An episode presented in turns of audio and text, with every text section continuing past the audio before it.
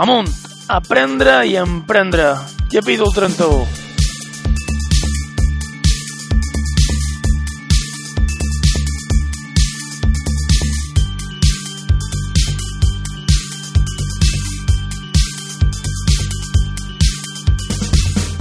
Bon dia i benvingut al programa d'aquesta gran casa com és Amunt, la plataforma de cursos online per emprenedors on expliquem tècniques per gestionar millor els nostres negocis i els nostres projectes. Ell és en Jaume Pujol Capllony, consultor de branding i comunicació corporativa, director de Coent i jo som en Pere Genet Oliver, professor d'Economia i Empresa i per damunt de tot estem aquí per compartir coneixement.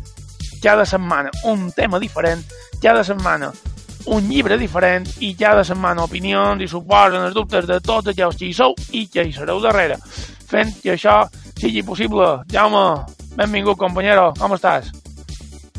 Bona, espera. Molt bé. Eh, aquí, a punt de començar una setmana nova i avui tenia ganes, espera, de, de, de comentar-te una cosa que, que, bueno, no sé si pot dir que estic estudiant o, o que he llegit o què he après aquesta setmana que m'ha agradat i crec que m'ho podria donar inclús per un podcast. Tu saps el que són els cronotipos? No, en tens ni idea.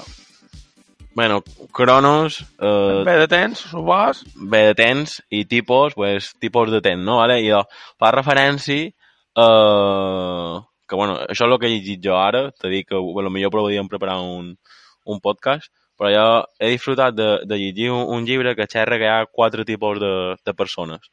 Els que són lleons o lleones, els que són ossos, llops o dofins, no? I, i la veritat és que eh, lleons són, per exemple, aquella persona que està molt més motivat per, per de matí, el job és el que està molt més eh, actiu durant el vespre, eh, l'ossos és que eh, si fa eh, un descans al migdia pues, pot estar tant eh, eh, actiu de matí com sobre baixa, i el dofí és aquest que està tot el dia tot el dia a tope, no? Que, que, que, que descansa, fa petit descans, però està tot el dia actiu. I, i la veritat és, és que crec que eh, he conegut durant aquests anys a diferents tipus de, de tant d'empleats com a, com a proveïdors, com a eh, col·laboradors autònoms. I, i si tu tens clar quin és el teu millor dia, o sigui, quin és el millor moment del dia per, per ser productiu, pues, probablement no viuràs tan amargat. No t'ha passat mai veure qualcú que rendeix molt més pel vespre, però es 8 de matí és, ah, no, no sap ni on se troba. I d'això és un poc... Els, programadors informàtics Que tots són jobs. són, són, són llocs de dalt a baix. Sí, sí, sí. Gent que, gent que al vespre són, són vestits. Jo som, jo som des de matins, jo som molt des de matins. Fa, i, de, I de, quan diu el llibre, ets una leona. Perquè Ah. diu que els, els, els lleons, diu, els lleons no fan feina, però les lleones són les que s'aixequen per de matí i de, tot, se poden tot d'una uh, a casar. Bé, jo crec que un dia podríem xerrar d'això, de, de conèixer-nos un poc més a nosaltres mateixos per arribar a ser més, més productius. I res, també comentar-te que comença a estar eh, content amb tot això dels temes conferències i tals. No sé si la gent que no, us, que no ho sabeu, pues fa un parell de... Crec que ara farà d'aquí poc un mes que vaig fer una conferència en el, en el diari de Mallorca. Ara m'han telefonat per fer-ne una altra en el polígon Sant Castelló i, i bé, que la veritat és content, és una, una nova, no sé, una nova etapa. Sí, no, no. Jo l'he vist a la conferència amb Jaume i la veritat està molt, molt, molt bé. I, vamos, que jo aniria a totes les vegades que, que fos possible. A més, crec que a mi que vaig fent conferències i això passa, te'n donaràs compte de que la vas fent de cada vegada més bé, te sent més a gust i per això crec que val la pena que hi aneu perquè uh, és, un bon, és, un bon, és un bon producte i s'aprèn molt. Crec que, de fet, que de, de marques eh, hi ha molt poca gent que se n'entengui tant com, com en Jaume i, per tant, escolta-lo és, és un privilegi. Bueno, estic, estic en el camí, jo crec que uh, un poc el uh, que comentàvem aquí, no? Quan, quan més aprenc, més podré més podré comentar damunt, damunt l'escenari. Si la vol, voleu veure, està a la meva, a la meva pàgina web, jaumepujolcatjon.com, uh, i si no, pues, veniu, veniu en, en directe, que, que segur que serà millor, perquè ja t'he dit, uh, cada vegada uh, vaig afegint coses i cada vegada vaig millorant uh, un poquet uh, la part no verbal, que també és molt important. Bé, Pere, què tenim avui? Bueno, bé, a part de, a part de la llibreria, que la tenim sempre, que podeu uh, trobar qualsevol tipus de llibre que vulgueu allà. Uh, ja sabeu, amb un punter barra llibreria, tots els llibres que comentant, tots els llibres ben classificats i ben ordenats. Ha passat a la història això d'autoajuda i empresa i economia i tal. Nosaltres uh, feim una divisió ben feta entre vectors, entre productivitat, i que crec que val moltíssim la pena consultar. Per tant, amb un punter barra llibreria ho teniu tot. Què tenim aquesta setmana? Aquesta setmana tenim dues coses fonamentals. Una és el funnel de venda, que és el tema d'aquesta setmana, veurem que és un funnel de venda, i l'altre, que és el llibre d'aquesta setmana, duim també el senyor Brian Tracy, que bueno, eh, parla de psicologia de ventes i és una autèntica, i és una autèntica meravella aquest home en temes de, de psicologia de, de ventes precisament.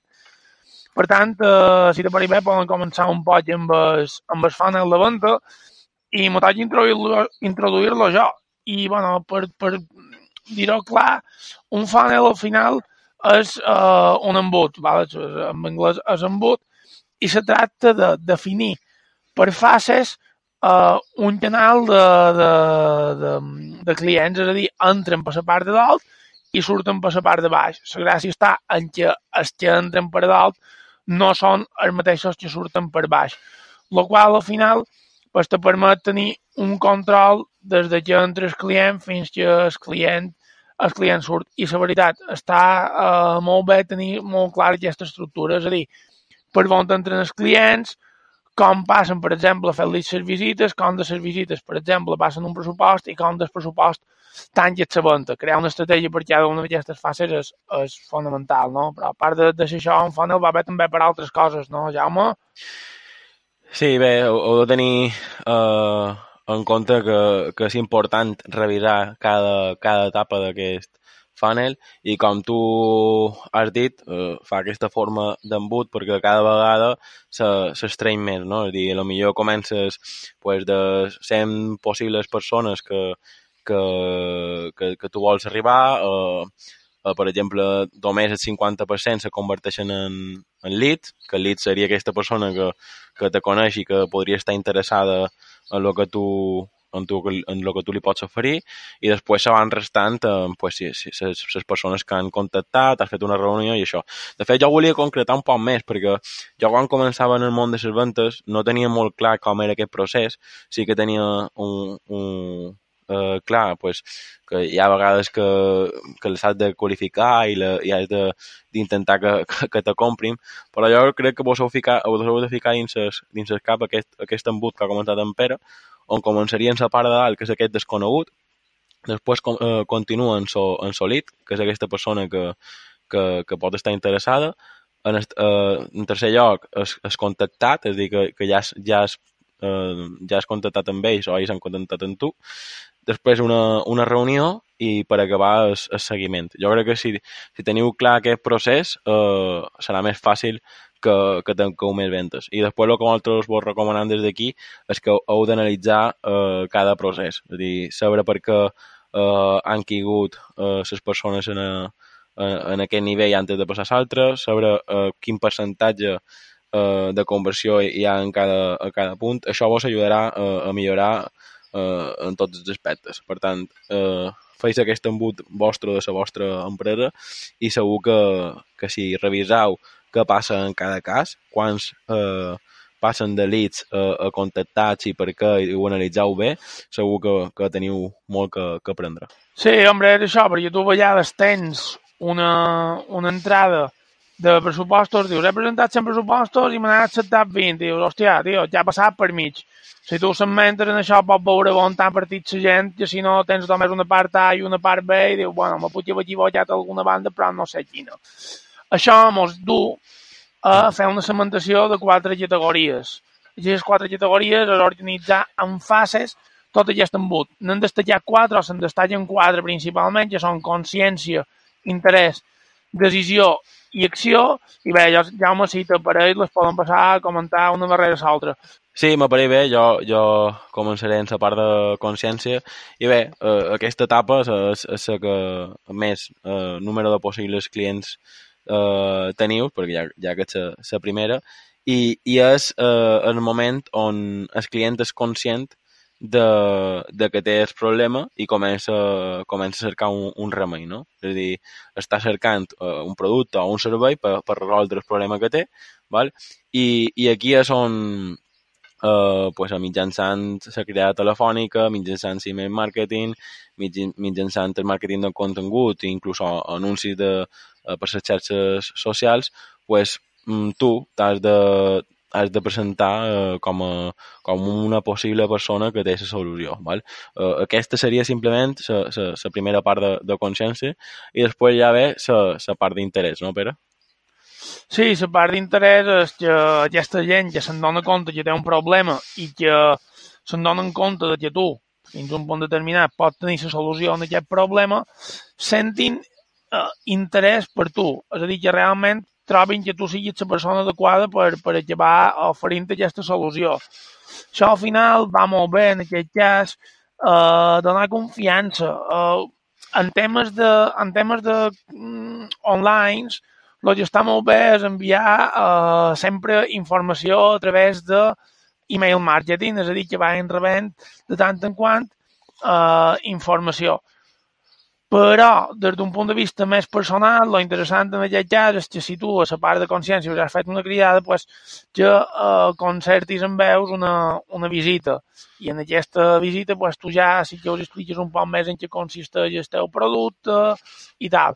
Evidentment, de consciència, que gent que necessita això i s'enteren de tu, a gent que realment acabi demostrant interès per el màrqueting que tu li mostris o els continguts que tu li hagis enviat, serà menys. Per tant, tu aquí ja tindràs un d'això per detectar i dir, bueno, amb què me vaig equivocar votant de consciència, és a dir, de gent que podia estar interessada en, re, en gent que realment ha estat interessada. Si aconsegueixes aquest interès, després passes a la tercera fase, que és la decisió. Sí, i el moment de, de la decisió és el moment on tu has de presentar les ofertes. Eh, és el moment on eh, el client ja saps l'assistència de, de, de l'empresa, sap que tu li pots donar eh, resposta eh, en els seus dubtes i ell està eh, començant a, a confiar no, eh, eh en, en tu perquè li, perquè li facis aquesta proposta. Eh, aquí és on eh, tu hauries d'intentar pues, incloure eh, testimonis, incloure eh, històries d'èxit que has tingut amb altres clients, eh, inclús donar a provar eh, el producte per aconseguir aquest clic no? que, que, faci, eh, que les faci decidir i finalment eh, tinguin aquesta eh, darrera acció, que és la darrera part que diran Pere, eh, i que te vulguin comprar. Vale? Tu has de ser capaç en aquesta, en aquesta fase eh, de, respon de respondre totes les preguntes i, i que fain, que, que arribin a la quarta part, que és la part d'acció. Sí, la part d'acció, però al final se podia entendre com, a dir, si decisió és aquell moment en el qual està un poc té interès però està un poc indecis i nosaltres tenim testimonis, la part d'acció és la part de tancar la venda, la part de, de rematar, bueno, li hem, hem aconseguit que a part de tenir interès, confia en nosaltres, però evidentment m'haurà de pagar, m'haurà de tancar el pressupost. En aquest cas, el que va molt bé és, a part de no, de no, de no mollar, oferir algun tipus de descompte, dir, mira, escolta, ja t'he presentat aquesta oferta, pues, que sàpigues que aquesta oferta durarà un determinat temps i que aquest temps, a més, està en promoció, vull dir, generar alguna cridada de secció un poc més elevada, o anar una passa més dins la passa de, de decisió. Jo crec que se tracta al final la venta. Molt bé, Pere. Lo, lo que jo vos vull donar un, un petit consell i és que eh, no perquè a lo millor el teu client no, no t'hagi dit que, que no està decidit, eh, a lo millor tu no ho saps, però ell ja està decidit. Jo què sé, imagina que tens una empresa de, de piscines, pues, probablement eh, el, el, el meu client eh, ja sap que muntarà una piscina d'aquí un any eh, quan hagi reunit els dos bé, tal, dir, moltes vegades la gent ja està decidida, però està esperant el moment oportú per ell. Val? Per això és important que, que, que sempre dins el vostre embut de ventes sempre hi ha aquesta fase de, de, de seguiment eh, perquè probablement el client eh, t'ha dit que no, però sempre ho hem, ho, hem, ho hem comentat, no, però un no ara no és un no per sempre. Sempre pots eh, fer alguna acció que t'ajudi a, a tancar la venda. I, I per acabar, aquest consell que, que volem donar és això, no? que heu de sempre estar pendent de quin percentatge eh, està passant d'una fase eh, a l'altra, perquè això vos, eh, vos, vos ajudarà a tenir clar eh, com funciona el vostre embut i què podeu fer per, per tancar ventes. Si voleu vos poso l'exemple, eh, ara xerraves de descomptes, percentatges, pues, a vegades hauràs de, d'oferir un petit descompte per, per aconseguir tancar sabentantes o hauràs de eh, donar un poc d'urgència al client, com tu comentaves, dir, mira, és que això, eh, aquest pressupost només té validesa per 60 dies, si no te decideixes ara, eh, ho, ho, ho haurem de deixar anar, saps? O hi ha mil, mil tècniques diferents. Bé, Pere, jo crec que eh, hem comentat un poc per damunt el, el funnel de ventes per qualsevol emprenedor és important que tingui el seu funnel de ventes clar i sobretot per qualsevol venedor que, ja dic, ho podrien, podrien xerrar eh, bastant més, però crec que han deixat les idees clares i poden començar en el llibre, no? Sí, sí, sí. Al final, si ja se resumeix això, vull dir, saber que de A a B és molt més fàcil tenir-ho controlat si tenim A prima, A prima prima i anar, i anar sumant que no només tenir un punt d'entrada i un punt de sortida.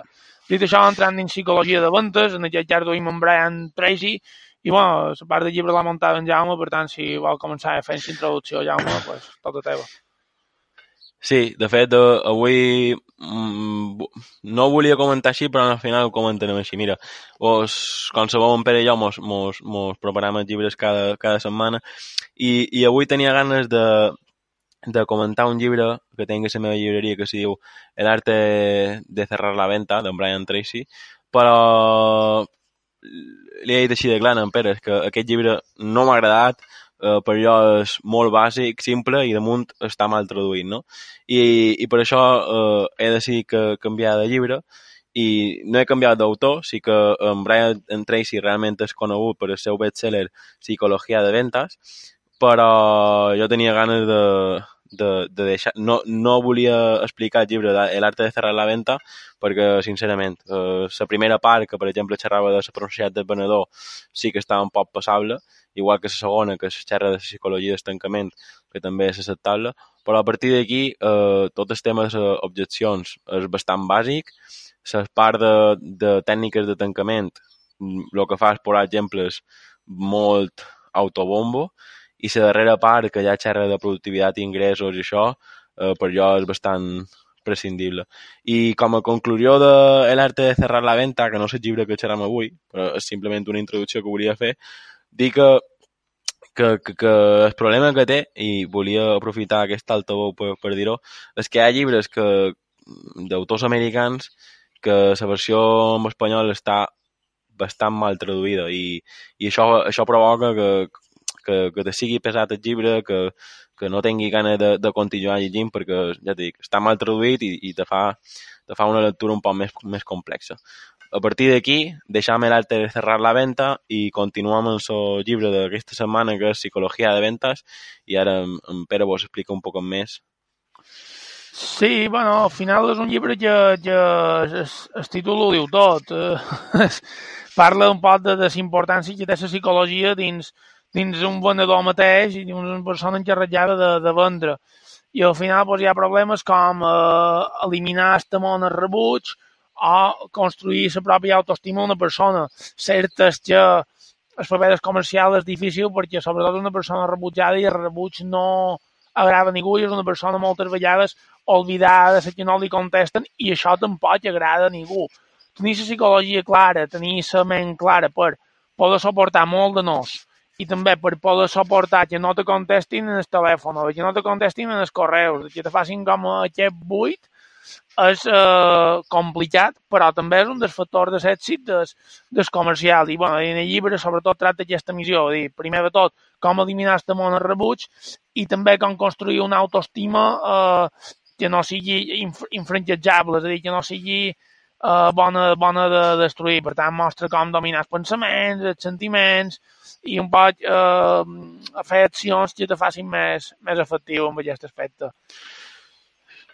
Sí, ara anirem un poc punt per punt, però antes de, de començar, eh, comentar això, que en Brian Tracy és un orador, és a dir, és, eh, fa molt de xerrada de, de, de caràcter motivacional i també és un autor que, bé, basta dir que té 70 llibres, que l'han traduït a més de 12 idiomes, i jo, per era, si me permets, és el típic perfil d'autor que, que, que, treu, que treu molt de llibres, no? que, que jo crec que aquests 70 llibres sí, se, se, podrien, se podrien concretar en dos o tres i aportar molt més valor, però, però tots sabem que en el final aquest tipus d'autor viu d'això i, i crea, crea un munter de, de, de material. Amb això no vull dir que, que, que no sigui un bon autor, però sí és vera que moltes vegades aquest tipus d'autors tenen la necessitat, ja sigui per acords en les editorials o ja sigui per el que sigui, però tenen aquesta necessitat de treure un llibre pràcticament cada any i bé, pues, si eh, són gent que ja rosen els 70-80 anys, pues, mires enrere i és normal que tinguin més de 70 llibres publicats. Val? Eh, bé, deixar això és... Eh, deixar clar que la psicologia de vendes és un dels seus llibres més importants i, i és um, una de les, de les tècniques que va provocar pues, tot el que coneixem avui en dia com a la PNL i totes aquestes parts més, més de, d'autors nous que han, que han sortit des de, darrers anys. Si vol, Pere, començar amb les parts del llibre. Sí, bueno, el primer de tot que parles és jo que intent de les ventes.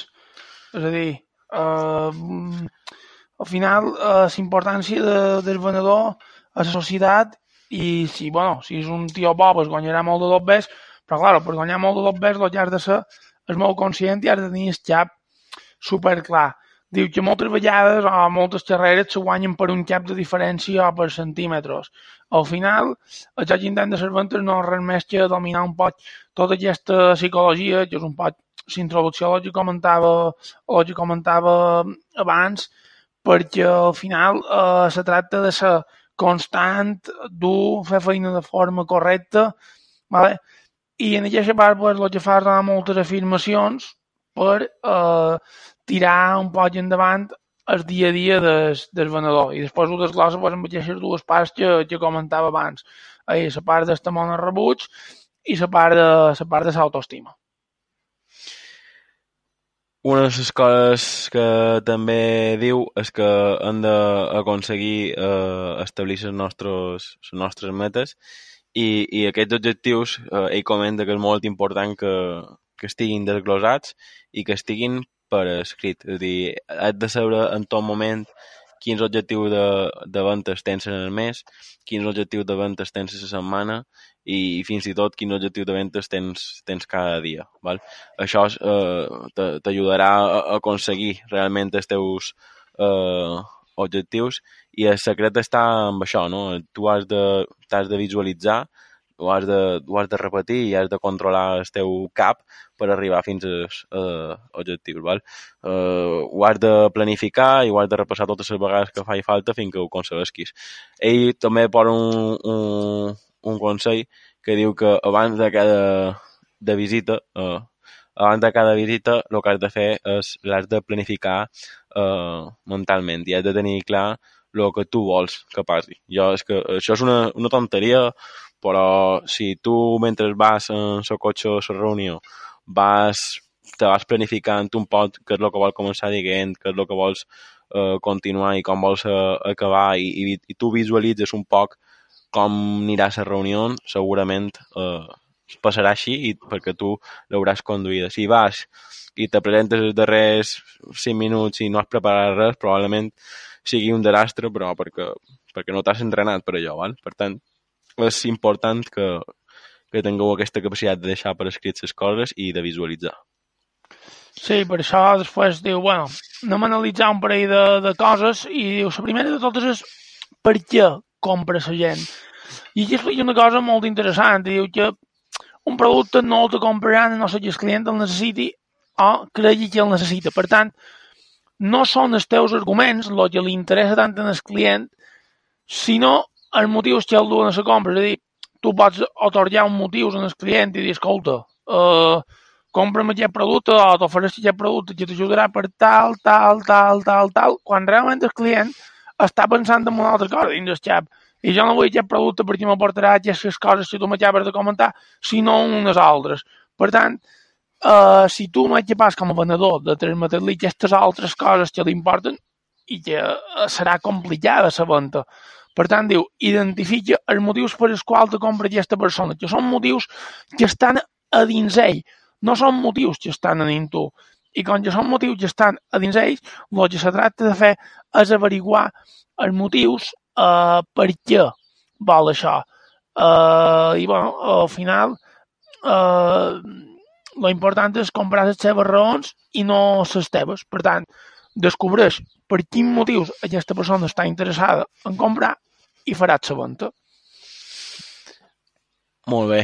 I també insisteix en que tu has de llegir, estudiar i, i memoritzar eh, el teu producte o, o bueno, tota la informació que té el teu producte o el teu servei. És a dir, en definitiva, t'has de convertir un expert en, en el teu mercat i, i ell li dona molta importància en això. És a dir, has d'estar especialitzat, has de diferenciar i, i has d'estar eh, enfocat i, i concentrat per, per aconseguir un èxit en les ventes. El que no pot ser és que venguis qualsevol cosa perquè sí, sinó que has d'estar eh, realment has d'estimar el mercat o has d'estimar eh, el que ofereixes perquè se, se, se serà molt més fàcil eh, vendre. I una vegada ja tinguis eh, clar eh, el teu sector i el tinguis dominat, eh, sempre serà molt més fàcil que sàpigues nous usos del teu servei o del teu producte, eh, noves aplicacions i, i inclús possibles nous mercats que, que estan sortint en base a el que tu ofereixes. Però si intentes arribar a tot, a mi això també m'ha passat alguna vegada, eh, veure, veure clients o, o coneguts que mm, no saben per què venen el que venen, simplement van tenir l'oportunitat de començar a fer feina d'allò i, i van tirant. Però, vamos, eh, això pot ser la diferència entre que te vagin molt bé les coses o que vagis tirant, no? Aquesta passió per, per teu mercat jo he estat a les dues bandes, jo he dit que he estat a les dues bandes, he estat a la banda de uh, vendre un producte amb que, bueno, crea mínimament o, o justet i de vendre uh, productes els que realment confiava 100% i sabia que allò era l'ajuda per al client i la solució màxima i no importa dir en quina de les dues se venia molt més. Evidentment, vendre'm un producte en el qual dius, bueno, sí, li pot servir, però ringo rango pues és complicat perquè al final se te nota vendre un producte en el qual tu dius, no, és que és, aquest producte és que millor li pot anar, uh, també se nota, dir, vull dir que si heu de vendre alguna cosa, feitar-ne de l'autor en aquest cas també en aquesta part del llibre perquè al final uh, és, és essencial.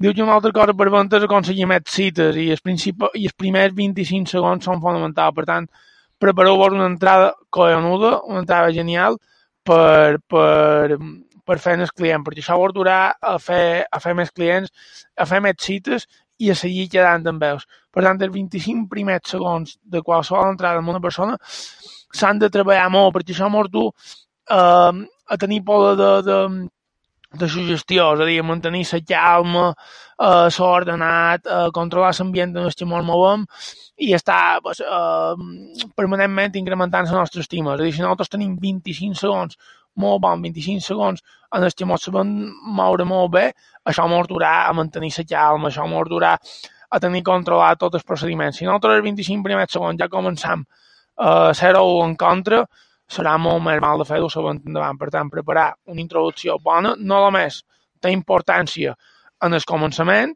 sinó que també se veu durant tota la reunió i se veu durant tot el procediment de venda. Per tant, l'inici és fonamental. Molt bé.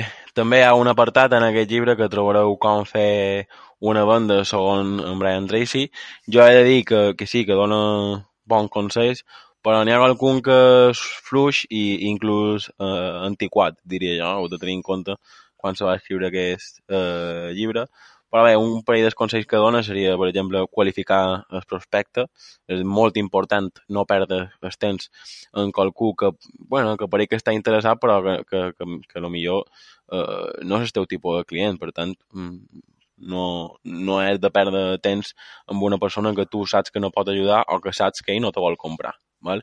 Eh, te recomana inclús començar sabent amb una pregunta oberta, tenir clar eh, els beneficis, eh, eh has d'intentar eh, proposar durant la conversa la venda quan, quan puguis i després te diu coses com has de ser educat, has d'escoltar atentament, t'has de mostrar segur de tu mateix, tal.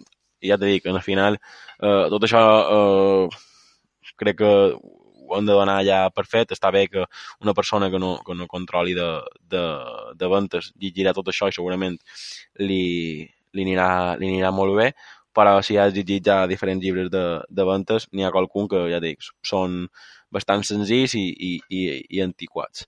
Uh, continuem, Pere? Sí, mos, mos comenta també pues, uh, 10 claus per tenir èxit a les ventes. Uh, n'hi pot haver moltes més i n'hi pot haver moltes menys, vull, però al final ell en comenta 10, jo en comento algunes de les que m'apareixen més importants i en comenta per damunt fer allò que t'agrada fer, hem comentat abans, és a dir, hi ha molta diferència de dir-se en allò que un creu i allò que li agrada.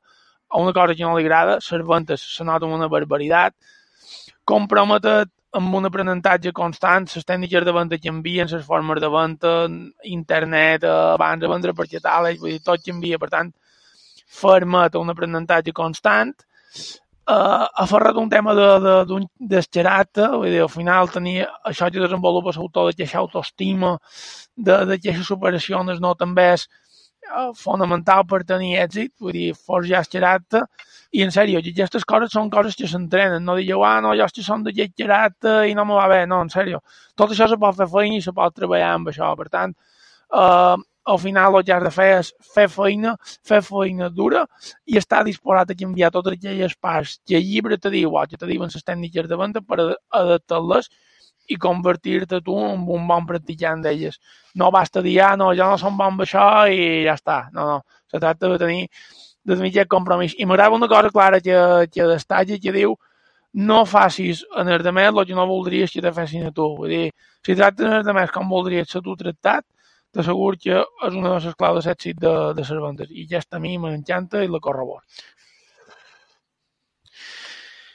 Sí, la veritat és que uh, uh, és un llibre que, que t'aporta bastant. Jo no, no m'arrepenteix de, de haver-ho llegit, és a dir, crec que tu tampoc eh, si, si te'l compres, si te'l llegeixes, crec que eh, t'ajudarà a, a, a acabar d'entendre de, millor les ventres i, i, i a valorar-les més. Uh, deixa clar moltes coses que probablement antigament se, se feien que, que ara ja no, no te duen a cap, a cap banda i si voleu saber la meva opinió, pues això, és, dir, és un, un llibre que, que té altres que són, o sigui, té unes parts que són super brillants i n'hi ha altres que, que no ho són tant, però bé, com, com tot en aquesta vida, així que eh, sí que m'agradaria que, que vos ho comprássiu, sí que m'agradaria que, que ho llegíssiu, perquè la veritat és que té, té algunes parts que el que no, lo que no poden fer és oblidar, oblidar la importància eh, que tenen per, per fer una, una, una, bona, una bona venda. Uh, amb això hem acabat el, el llibre o inclús podríem dir llibres de la setmana avui, Pere, que hem repassat dos, dos llibres d'en Brian Tracy. Um, I bé, espero que, que vos hagi agradat i també esperam, com sempre, la vostra resposta, la vostra, les vostres opinions de, tant del capítol com tot el que estem fent. Ja sabeu que teniu el contacte de Pere Romamunt.es i Jaume Romamunt.es i estem a la vostra disposició. Ja, duim, senyors, 31 capítols i, i tot està gràcies també en els vostres comentaris i, i en el vostre suport. I, Pere, alguna cosa més, a part de que molt valorin a iVox i iTunes? No, jo sí, bueno, jo me'l valorin a iTunes i iVox. no, no, no. que passeu una bona setmana, que passeu hagut de fer feina, que si teniu dubtes, suggerències, algun programa especial que vulgueu, algun uh, punt de vista sobre algun cas que tingueu de la vostra empresa, pues, pere arroba amb un puntès o jaume arroba amb un puntès, que estarem encantats de comentar-lo en directe i res més, disfrutar de la primavera que ha arribat. Tant en Pere com jo seguim fent feina per, per millorar aquest, eh, aquest projecte i supos que d'aquí poc vos, vos podrem comentar eh, noves, bueno, novetats. Però mentrestant disfruteu d'aquesta temporada. Jo l'altre dia m'ho va comentar una persona i diu que volies o no ja hi ha 30 llibres, avui 31 eh, on és que si tu en una setmana escoltes tots els capítols eh, crec que podeu aprendre molt, molt, molt ràpid i, i, i molt bé. Per tant, eh, aprofiteu de tot el que estem, estem fent i, i amem eh, com acabam preparant una nova, una nova temporada. Esperam les vostres, les vostres opinions i els vostres consells i tot el que necessiteu. Tant, eh, ho podeu comentar tant a les xarxes socials com en el correu electrònic. Au, idò, molt bona setmana a tothom. Au, idò, bona setmana. Adéu. Adéu.